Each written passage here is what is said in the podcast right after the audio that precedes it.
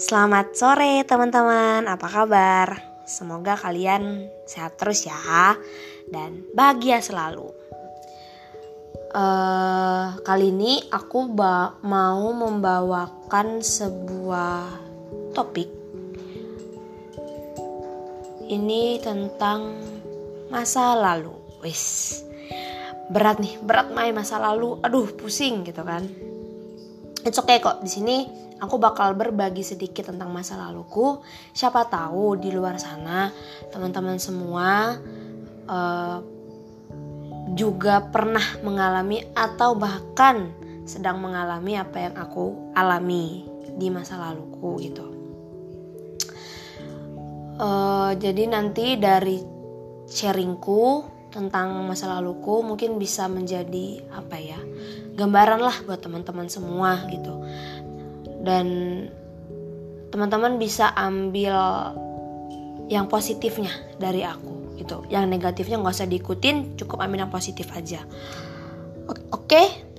Nah sekarang uh, tentang masa lalu ya pembahasannya. Aku mau sharing sedikit nih ke teman-teman tentang masa lalu gitu. Pastinya kan setiap orang mempunyai masa lalu yang ada yang menyenangkan, ada yang mungkin kurang menyenangkan. Nah, mungkin dari masa lalu yang kurang menyenangkan itu bisa menjadi trauma tersendiri gitu. Dan trauma itu yang membentuk dia di masa sekarang. Dan itu yang terjadi di aku gitu. Sedikit berbagi buat teman-teman. Aku mempunyai masa lalu yang kurang menyenangkan gitu. Ya, untuk untuk sebagai seorang perempuan ya itu masa laluku memang kurang menyenangkan gitu. Aku nggak bisa cerita detailnya di sini tapi ya mungkin bisa menebak-debak lah di luar sana dan mungkin beberapa ada yang benar tapi juga ada yang salah gitu. Nah uh, masa laluku memang tidak menyenangkan gitu. Itu menyebabkan trauma. Nah ketika sudah menyebabkan trauma itu membentuk aku bukan aku yang sekarang ya tapi aku di uh, beberapa tahun ke belakang gitu.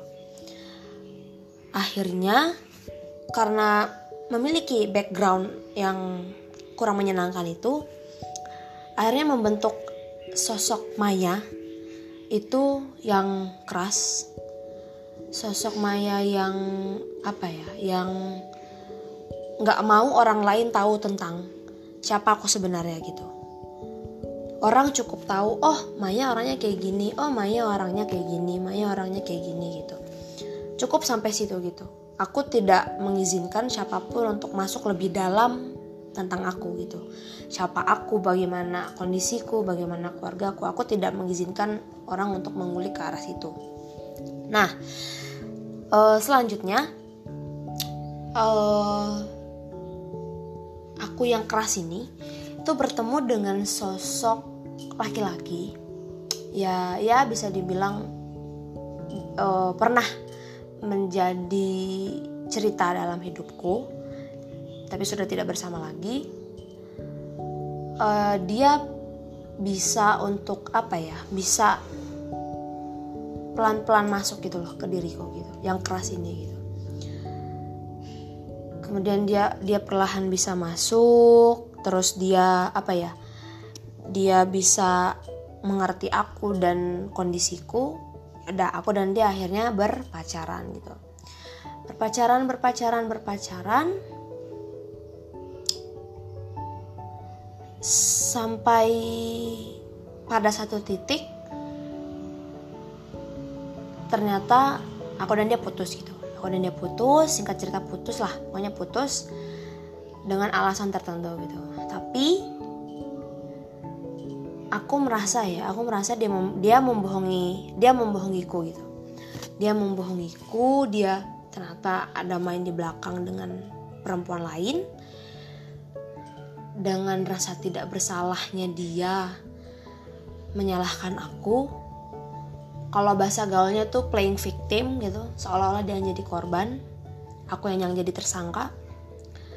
Eh, ya udah gitu dulu ya mungkin karena salahnya dulu aku terlalu bucin ya teman-teman. Jadi sebenarnya terlalu bucin pun itu tidak baik sebenarnya gitu. Tapi ya balik lagi ke pribadi masing-masing bagaimana menjalani suatu hubungan gitu. Apakah mau bucin apa tidak ya itu keputusannya orang yang bersangkutan gitu di hubungan tersebut. Nah cuman kemarin posisinya aku terlalu bucin.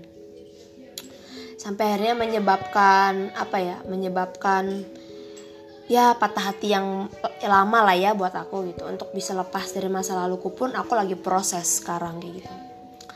Nah udahlah sampai sampai situ ya teman-teman. Sampai aku akhirnya berpacaran kemudian putus. Nah setelah putus itu aku kembali menjadi diriku yang dulu gitu. Mungkin banyak yang apa ya banyak sedikit banyak orang tahu gitu. Aku uh, apa ya bisa dibilang mempunyai gangguan mental sih dulunya. Dulunya seperti itu kan punya gangguan mental. Mungkin teman-teman bisa bisa apa ya bisa ngerti kalau dulu karena akunya keras akunya keras dengan diriku kemudian ya itu tadi ada uh, seseorang yang pernah masuk hidupku tapi ternyata dia berkhianat. Dia berkhianat kemudian aku akhirnya terpuruk kembali. Nah itu ya banyak sih hal-hal yang sebenarnya tidak boleh dilakukan tapi ya aku mencoba untuk melakukan itu gitu. Tapi sebenarnya tidak sampai ke tahap yang lebih parah ya. Hanya sekedar kayak coba-coba tapi takut juga akhirnya. Nah setelah itu uh, ya udah gitu. Berproses lah di situ kan. Berproses untuk belajar memaafkan diri sendiri yang pertama kemudian memaafkan orang lain dan menerima menerima dengan segala keadaan yang ada gitu. Aku untuk menerima keadaan untuk saat ini sebenarnya bisa dibilang ya 50% lah gitu. Karena masih ada residu-residunya masih ada bekas-bekas lukanya baik yang dari masa laluku yang dulu kemudian dari uh, orang yang pernah hadir di hidupku ini tapi ya gitu. Uh, susah gitu loh teman-teman. Kalau aku pribadi ya aku pribadi ya bisa dibilang 25-50% lah bener-bener baru bisa menerima gitu. Karena ketika orang tanya kayak Maya kamu sama sini gimana sih putusnya? Aku masih bisa menceritakan gitu. Kalau apa ya kalau menurutku kan ketika orang sudah bisa menerima masa lalunya itu apa ya dia sudah tidak apa ya tidak memikirkan lagi gitu. Tapi ketika orang bertanya ke aku atau orang mancing aku buat cerita aku akan cerita detail banget gitu. Itu kan kalau aku pribadi sih menandakan bahwa aku masih masih belum bisa melepas bukan melepas sih masih belum bisa menerima sebenarnya. Masih ada residu-residu tadi yang aku bilang itu kan. Masih ada sisa-sisa lukanya itu masih membekas gitu. Belum belum belum menutup sepenuhnya gitu. Nah uh, kemudian aku apa ya banyak sih teman-temanku yang bilang untuk ma maafin dia Mai maafin dia. Uh, kayak kalau kamu maafkan kesalahannya dia itu kamu udah lepas gitu loh. Cuman kan tiap orang tuh mempunyai prosesnya masing-masing ya. Ada yang wah ya tak maaf kewe gitu kan.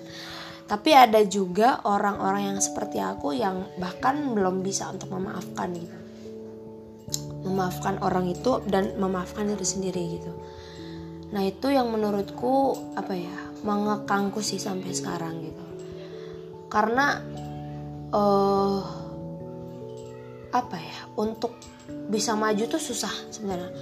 Kalau kita masih terikat dengan masa lalu ya apalagi ya kayak aku lah teman-teman bisa lihat masih apa ya masih kebayang-kebayang di masa laluku ketika aku mau maju ke depan tuh susah gitu. Susahnya susahnya gimana sih Mai? Susah. Susahnya itu ini. Misal nih misal. Misal ya kita mau menjalani hubungan yang baru dengan orang lain itu tapi kita sendiri belum bisa lepas dari masa lalu kita gitu. Kita masih di bawah bayang-bayang masa lalu kita gitu. Nah kalau misalnya kita masih di bawah bayang-bayang masa lalu terus kita menjalin hubungan dengan orang lain yang akan sakit itu adalah orang lain itu gitu loh. Kenapa? Karena ya harusnya kan di hubungan itu hanya ada aku dan dia. Tapi ketika masa lalu ini ikut, jadinya ada tiga ada tiga di sini. Ada ada tiga hubungan. Uh, eh bukan tiga hubungan. Sorry ada dua hubungan.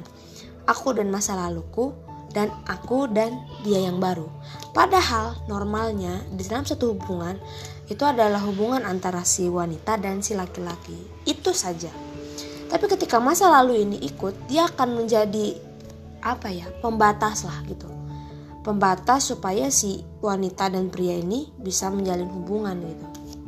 Nah itu yang sampai sekarang itu masih menjadi problematikaku sendiri. Kayak jujur kalau disuruh untuk memulai hubungan yang baru aku mau gitu, tapi ya itu gitu.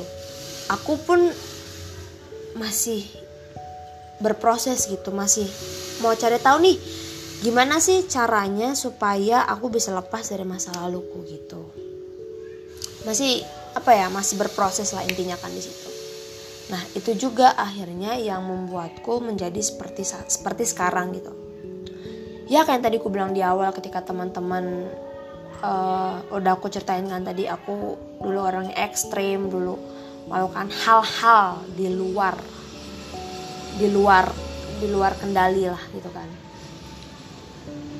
Tapi semakin ke sini tuh kayak apa ya semakin belajar gitu berproses juga kan. Kayak oh ternyata kayak gini tuh nggak baik. Oh ternyata aku ngelakuin hal ini tuh dampaknya jelek loh buat aku kayak gitu. Nah yaudah sambil berproses itu ya apa ya salah satu salah satu cara jituku adalah kita mendekatkan diri ke Tuhan gitu. Apa pun apa pun keyakinan teman-teman di luar sana semua agama semua keyakinan itu mengajarkan hal yang baik. Bener gak sih?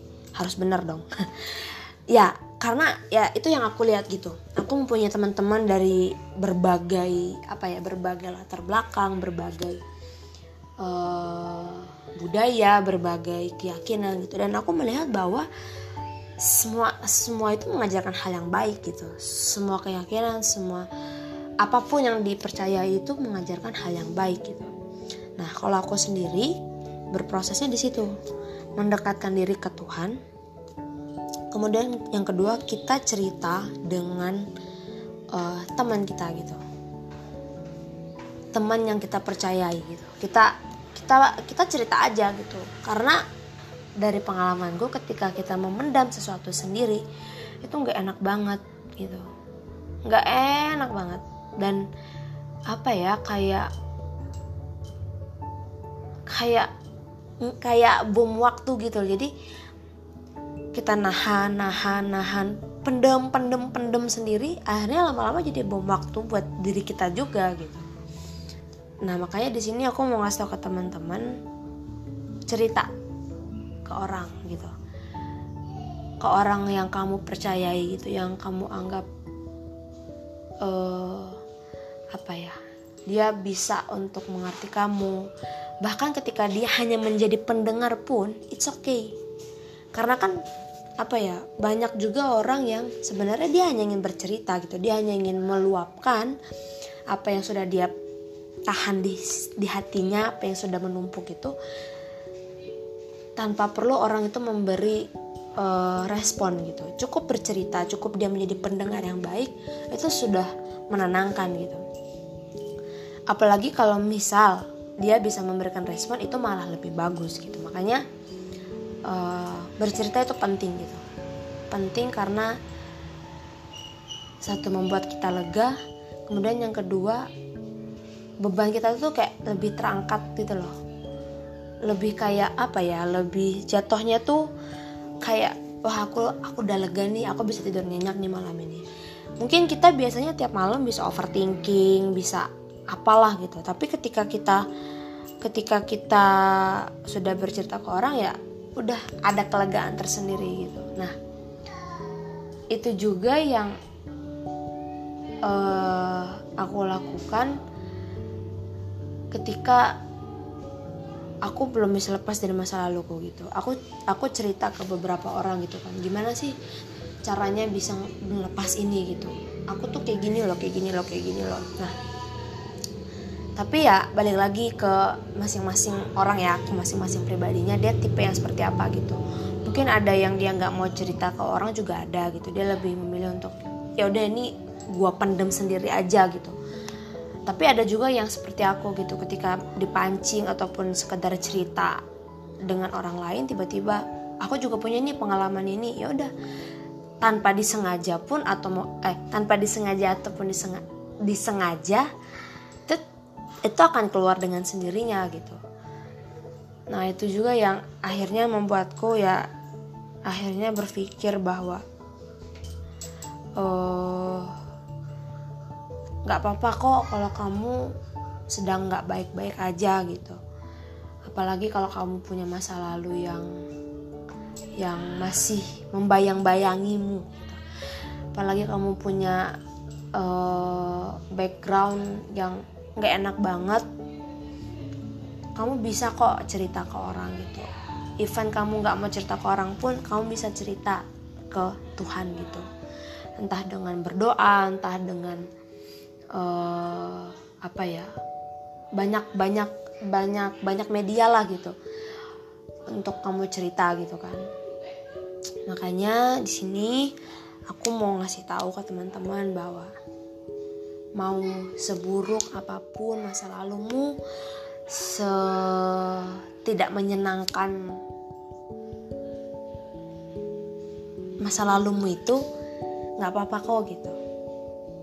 Kalau dulu ya emang kadang kita merasa malu ya kadang ih masa laluku kok nggak kayak dia? Ih kok aku nggak bisa sih gini? Tapi ya itu aku percaya bahwa apa yang terjadi di hidup kita itu sudah direncanakan sama Tuhan gitu dan gimana cara kita berproses di rencana Tuhan itu? Gitu loh. Gimana cara kita untuk oh kayaknya ini nih selanjutnya nih. Oh kayak gini nih selanjutnya nih.